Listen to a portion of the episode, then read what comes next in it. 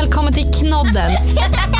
En podd där du får experternas svar på frågor som rör allt du kan behöva veta i småbarnsåren. Podden skapas av föräldrapodden Norrlandspäron och Knodd. Vårdappen som är specialiserade på just det här med barnhälso och sjukvård.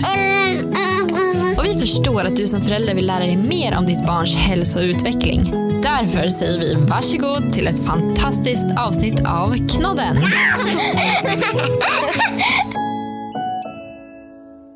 Hej Johan! Hej Anneli! Det är dags för ett nytt avsnitt av Knodden. Jajamensan! Och vi ska ju fortsätta prata om ett av våra, jag tror att det är ett av våra populäraste ämnen. Och det handlar ju om de allra, allra minsta. Allra, allra minsta och den första tiden när man kommer hem där som en omogen förälder och inte riktigt vet vad man, eh, vad man håller på med tror jag många känner. Ja, men verkligen. En, en skör förälder skulle jag vilja säga. Ja, det är ett fint ord. Ja, man är nog aldrig så på gränsen till tårar hela tiden som när man är en nybliven förälder.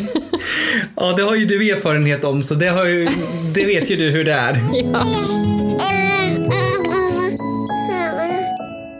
Och vi har ju gjort ett avsnitt förut som handlar lite grann om vad man behöver vara hemma inför spädbarnstiden. Och idag ska vi prata lite mer om, om själva den här spädbarnsperioden som man behöver gå igenom. Ja, och vi fokuserar på de här viktigaste delarna, barnets basala liksom, behov och lite vad man kan tänka på och vad som kan komma att dyka upp de där första, första perioden i livet.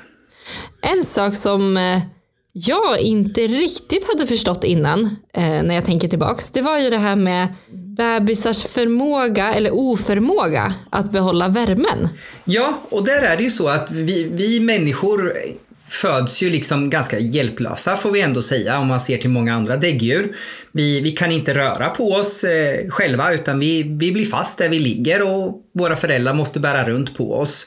Och vi har eh, ganska mycket kroppsyta i relation till till hur våra funktioner i kroppen fungerar och eh, framförallt huvudet är väldigt stort. Och där utifrån huvudet så, så tappar vi väldigt mycket värme. Så för det lilla barnet är det viktigt att vi klär på barnet så att vi hjälper det och, och hålla värmen. Vi har liksom ingen päls som, eh, som värmer oss utan vi måste göra det på konstgjord väg. ja men verkligen. Min, eh, när någon ska få barn då är min go-to-present är ju just en filt. För att jag kommer ihåg hur mycket man använder de där filtarna i början. Och där har vi ju många positiva effekter. Filten, den är lätt att ta av och på om barnet blir för varmt. Eh, det gör också en mysighetsfaktor, att eh, man kan dra åt filten ganska hårt runt barnet så att barnet känner vart sina gränser går på kroppen. För ett nyfött barn ligger ju och är ganska sprattligt och, och far mycket med armar och ben och ligger och trycker och pressar. Och det gör ju, det är att barnet vet inte riktigt vart sin kropp slutar och har då legat i magen som blir som ett ramverk runt barnet. Och nu när det kommer ut, ja men då har den inga gränser längre. Och då är ju då en filt superbra, dels för värmen men också för att markera att här är din kropp, här är dina ramar. Och det gör barnet lugnt och tryggt också. Mm. Visst har de också en del reflexer? Jag kommer ihåg att våra barn när man la dem på, på skötbordet ibland, att de liksom så här slår ut med armarna och så blir de lite ledsna, att det är någonting som händer i kroppen. Det är mororeflexen eh, och det, det, är just det här att när man faller bakåt så, så slår barnet ut armarna för att skydda sig. Eh, och den, den är väldigt stark där i början så där har du helt rätt att när man lägger ner barnet eh, och gör det lite snabbt så fäller den ut armar eh, och kan bli lite ledsen och kallas mororeflexen. Hur är det då med eh, någonting som man, man ska inte säga, men som jag såg fram emot innan jag skulle få barn var ju de här promenaderna med barnvagn eller i selen. Hur är det då, eftersom de är dåliga på att hålla värmen, kan man ändå ta med dem ut på promenader och vad ska man tänka på då? Absolut. Eh, barnen mår jättebra av frisk luft och, och brukar ju tycka om att ligga i vagnen när det skakar och rör sig lite. Eh, och vagnen, den är bra för att den isolerar ju mot vind om man tar vagnen i, i rätt riktning så att säga mot vinden. För det man ska tänka på att även om termostaten eller termometern visar en temperatur, blåser det väldigt mycket så sjunker den temperaturen ganska snabbt i hur det känns att det är kallt. Så att man, man klär barnet utifrån dels vad som står på, på termometern men också att man får ta in andra väderförhållanden. Regnar det till exempel så kan det kännas mycket mer kallt också och sådana här saker. Så eh, skydda barnen från, från vind. Eh, men klä dem eh, med lager på lager principen. Så att man, blir barnen väldigt varma, ja men då kan man plocka av dem lite grann. Och känns de kalla att man kan lägga på en extra filt eller sådär. Så att man, man har med sig både alltid lite för mycket kläder så att man kan klä på dem under vägens gång. Och sen är det super, super kallt ute, ja men då får man ju anpassa sig att man är ute kortare stunder. Men verkligen. Vi hade en sån här jättemysig eh, åkpåse i ull som jag kan rekommendera om man bor lite norröver som vi gör. Åkpåsar är väldigt bra och finns ju i väldigt många olika material. Och där har du det här också igen att du kan, kan ju göra som en liten liten kokong för barnet som, som hjälper det och det blir lite lager på lager att barnen har ju sina vanliga kläder på sig och sen så blir det ju lite luftspalt mellan kläderna och åkpåsen och, som man då värmer upp. Kroppen värmer upp den här luften och då får vi ju som ett, ett osynligt täcke av, av värme emellan så att eh, åkpåsar är superbra. Just ja. Hur är det med värme om man får ett eh, spädbarn, en bebis mitt i sommaren? Eh, behöver man ändå liksom ha på mössa och sånt? Ja, eh, det där är en superbra fråga och eh, går vi tillbaka till vagnen där då till exempel så är det samma sak som man ska skydda dem mot vind på vintern så ska vi också skydda dem eh, mot eh, solen och för varmt för det, då blir vagnen som en bastu istället. Så det är jätteviktigt att man ställer vagnen Eh, Eh, i skuggan och att man känner i vagnen så att det inte blir för varmt. För det, det kan snabbt gå upp mot en 50 grader inne i en vagn om den står i solläge för att man skyddar ju då mot vind och barnet ligger där som i en bastu. Så att eh, barnet, även på sommaren, ett nyfött barn vill gärna ha någon liten mössa på sig för att just lite vinddrag och sådär så, så förlorar de värme snabbt. Eh, och att eh, de rör sig inte lika mycket. Och så ska vi också kläder på dem för att skydda dem mot solen. Även om de inte är direkt sol så kommer UV-strålarna att studsa på föremål runt omkring barnet. Och då kan de hamna in i barnvagnen på barnet. Och det, barn, små barn i nyföddhetsperioden ska vi inte smörja in med solfaktor utan de skyddar vi med kläder på. Mm. Och det här har vi pratat ett helt avsnitt om tidigare. Eh, så om ni går tillbaka lite i knodden så finns det ett avsnitt som handlar om hur man skyddar barnen från, från sol. Det stämmer.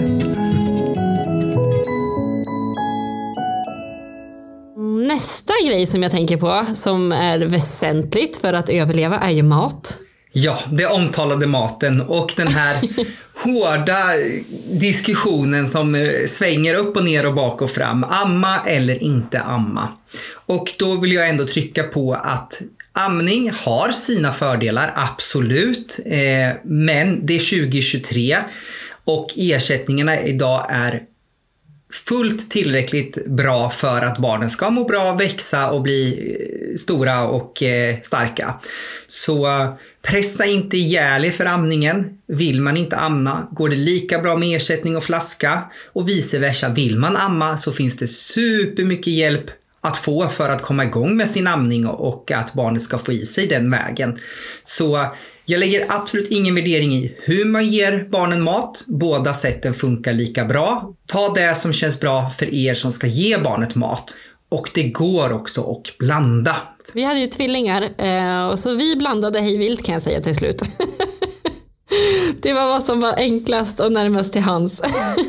Ja, och det är lite så för att du då som mamma kanske behöver vila lite däremellan. Det, det är två barn, det är dubbelt arbete i omt och mycket och inte alltid säkert att barnen synkroniserar och då behöver man hjälp av den andra vårdnadshavaren om det finns en sån i bilden. Och då är det ju svårt för den personen att amma, för det är sällan att det är två kvinnor som kan amma i, i, i en, i en kärnfamilj. Mm. Förekommer ibland men inte alltid. Så att, eh, då, då är ju ersättningen bra och vice versa. Ja men verkligen. Och som sagt, gör det, gör det ni mår bra av. Det tror jag att hela familjen vinner på i längden. Det tror jag också. Nu har vi pratat lite om mat, vi har pratat om värme. Hur är det som nybliven förälder fanns det ju en sak som jag gjorde hela tiden och det var ju att kolla så att min barn andas. Ja. För det behöver de. ja, de, de, behöver det av någon, konstigt, eh, någon konstig anledning. Och det är ju så här att eh, tittar man, ju mer man tittar på ett barn hur det andas, ju mer nervös kommer man bli. Och det är för att barnen gör någonting som inte vi vuxna gör och det är att barn andas oregelbundet. De har små korta ofarliga andningsuppehåll då de maniserar, man ser inte att de andas helt enkelt. Och sen så tar de ikapp det här och hyperventilerar några gånger och sen andas de normalt och regelbundet ett tag och sen så kan de ha en paus och sen hämtar de igen det här och så fortsätter det här i, i cyklar. Så eh, ju mer man tittar på ett barn så kommer man se att barnet andas oregelbundet, vilket man kan bli väldigt nervös av. Men i regel så är det helt ofarligt. Mm. Ja, men och det, jag kommer ihåg att man slås ju hur häftigt det är att det kommer ut en människa som funkar. Det kommer ut en liten bebis som andas. Det är ganska galet. Ja, och kissar och bajsar och får i sig mat och kan gripa om fingrarna och kan le och grejer. Så att ja. Verkligen. Det är fascinerande. Finns det någonting som man behöver, liksom, behöver ha koll på? Eller hur, hur nojig ska man vara kring det här med andning som förälder? Ja, men vi pratar ju om det här med indragningar och då kommer vi automatiskt också in lite på det här med RS som, vi som många är oroliga för och speciellt i spädbarnstiden. RS är ju en virusinfektion som eh, kan drabba framförallt yngre men också eh, äldre människor och som gör att det blir väldigt slemmigt i luftvägen. Och de små barnen har små eh, luftvägar som har svårt att eliminera det här slemmet. De kan, de kan inte snyta sin näsa och de kan inte riktigt hosta upp och harkla ur slemmet heller så då sväljer man det eh, i regel och då får man lite slemmig avföring. Och att det blir så mycket slem ibland och så hård hosta så att de inte orkar och då kan de få så kallade indragningar. Indragningar är, kan visa sig i form av att näsvingarna vibrerar eller skakar. Man ser det när det sker, men tittar man på näsvingarna så kan de röra på sig. Man kan se att det blir gropar vid revbenen eller vid ehm, Eh, vid halsgropen kan det sugas in också. Eh, mellan rebenen kan det sugas in och även att det kan bli som ett dike mellan magen och rebensbågen.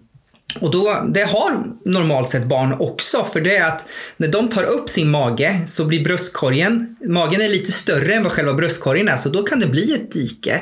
Men om magen sugs in under rebenen och det blir ett dike så att högsta punkten blir reben, rebenen och bröstkorgen. Då ska man dra öronen åt sig eh, och kanske höra sig för med någon om hur barnets andningsarbete är. Så bröstkorg som är högre än magen, där ska vi vara lite observanta också. Ja men verkligen. Nu försöker jag tänka tillbaks, vad är det mer man behöver ha koll på? Um, huden händer det ju ganska mycket med, upplevde jag när barnen kommer ut.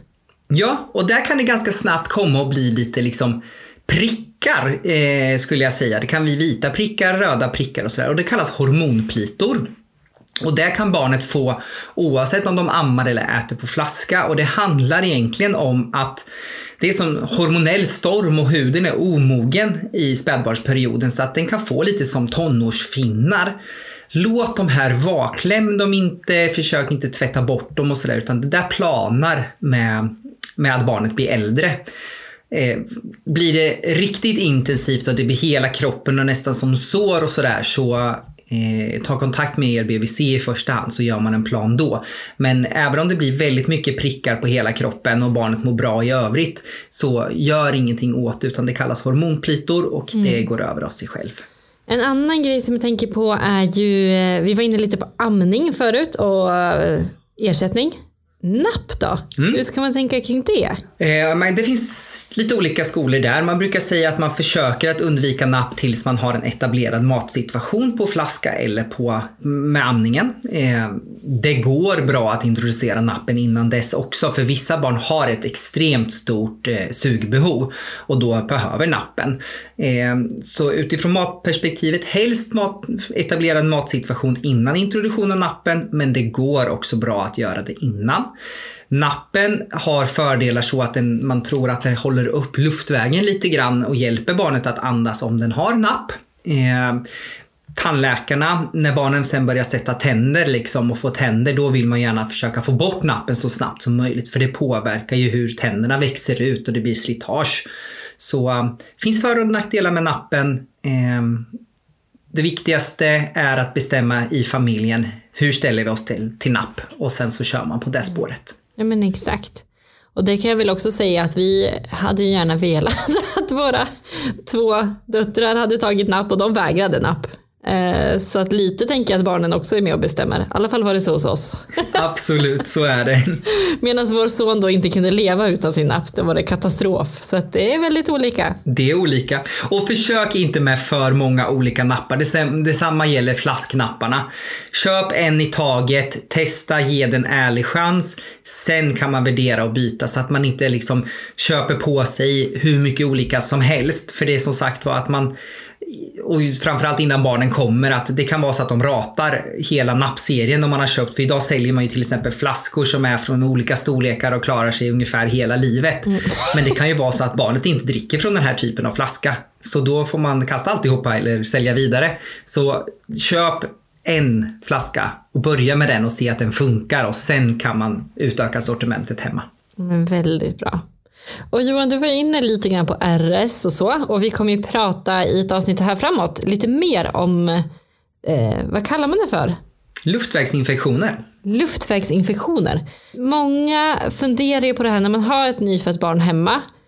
Det är ju väldigt infektionskänsligt. Ska man liksom isolera sig själv och sin bebis från omvärlden eller hur ska man tänka kring det? Man ska vara restriktiv och använda sunt förnuft. Jag förstår att barnet eller slash barnbarnen eller kompisbarn kommer och att man är jättenyfiken på det här. Eh, se till att gästerna är friska och har varit friska. Eh, god handhygien. Alla kanske inte behöver hålla i barnet och ta på barnet utan vi använder våra ögon och tittar på barnet. Eh, och det här är ju för att vi ska skydda barnet så att de inte blir sjuka i, i spädbarnsperioden. För det är, det är onödigt helt enkelt. Så sunt förnuft, eh, inga förkylda personer eller sjuka personer ska träffa barnet om man vet om det. Använd god handhygien, tvål och vatten kommer vi jättelångt på. Eh, man kan lägga till handsprit om man vill men tvål och vatten är det viktigaste. Eh, och alla kanske som har sagt var inte behöver ha kontakt, fysisk kontakt med barnet utan att man, man tittar på det på avstånd. Då kommer man långt. Bra. Och vi har ju ett hett ämne som vi inte har tagit upp än, som det finns flera avsnitt innan om och det är det här med sömn. Ja. Eh, för när man får en bebis så blir ju sömnen definitivt påverkad för de allra flesta av oss. Och precis, och det, sömn kan vi ju diskutera hur länge som helst, men vi har ju ett jättebra sömnavsnitt sedan tidigare så jag skulle vilja ändå hänvisa till det, där vi pratar om allt hur man kan få råd och hjälp kring hur man ska få barnet att sova men också hur man som förälder ska kunna sova och vilka, vilken hjälp man kan få från omgivningen och eh, sådana här små tips och knep och, och, vad som är normalt och inte normalt. Hur mycket ska ett barn sova? Hur mycket ska det inte sova? Så eh, jag skulle vilja säga att lyssna in på vårt tidigare avsnitt om, om sömn och barn, eh, eller barn och barns sömn kanske det heter till och med, så kommer ni få all information ni behöver kring det. Exakt, och jag tänker att du som lyssnar på det här kanske förmodligen är nybliven förälder eller kommer bli nybliven förälder snart. Eh, och till er också, så här, kom ihåg att nätterna och dagarna kan kännas långa ibland, speciellt om man inte får sova. Men perioden går ganska snabbt ändå. Så eh, njut också. Det är viktigt. Mm, verkligen.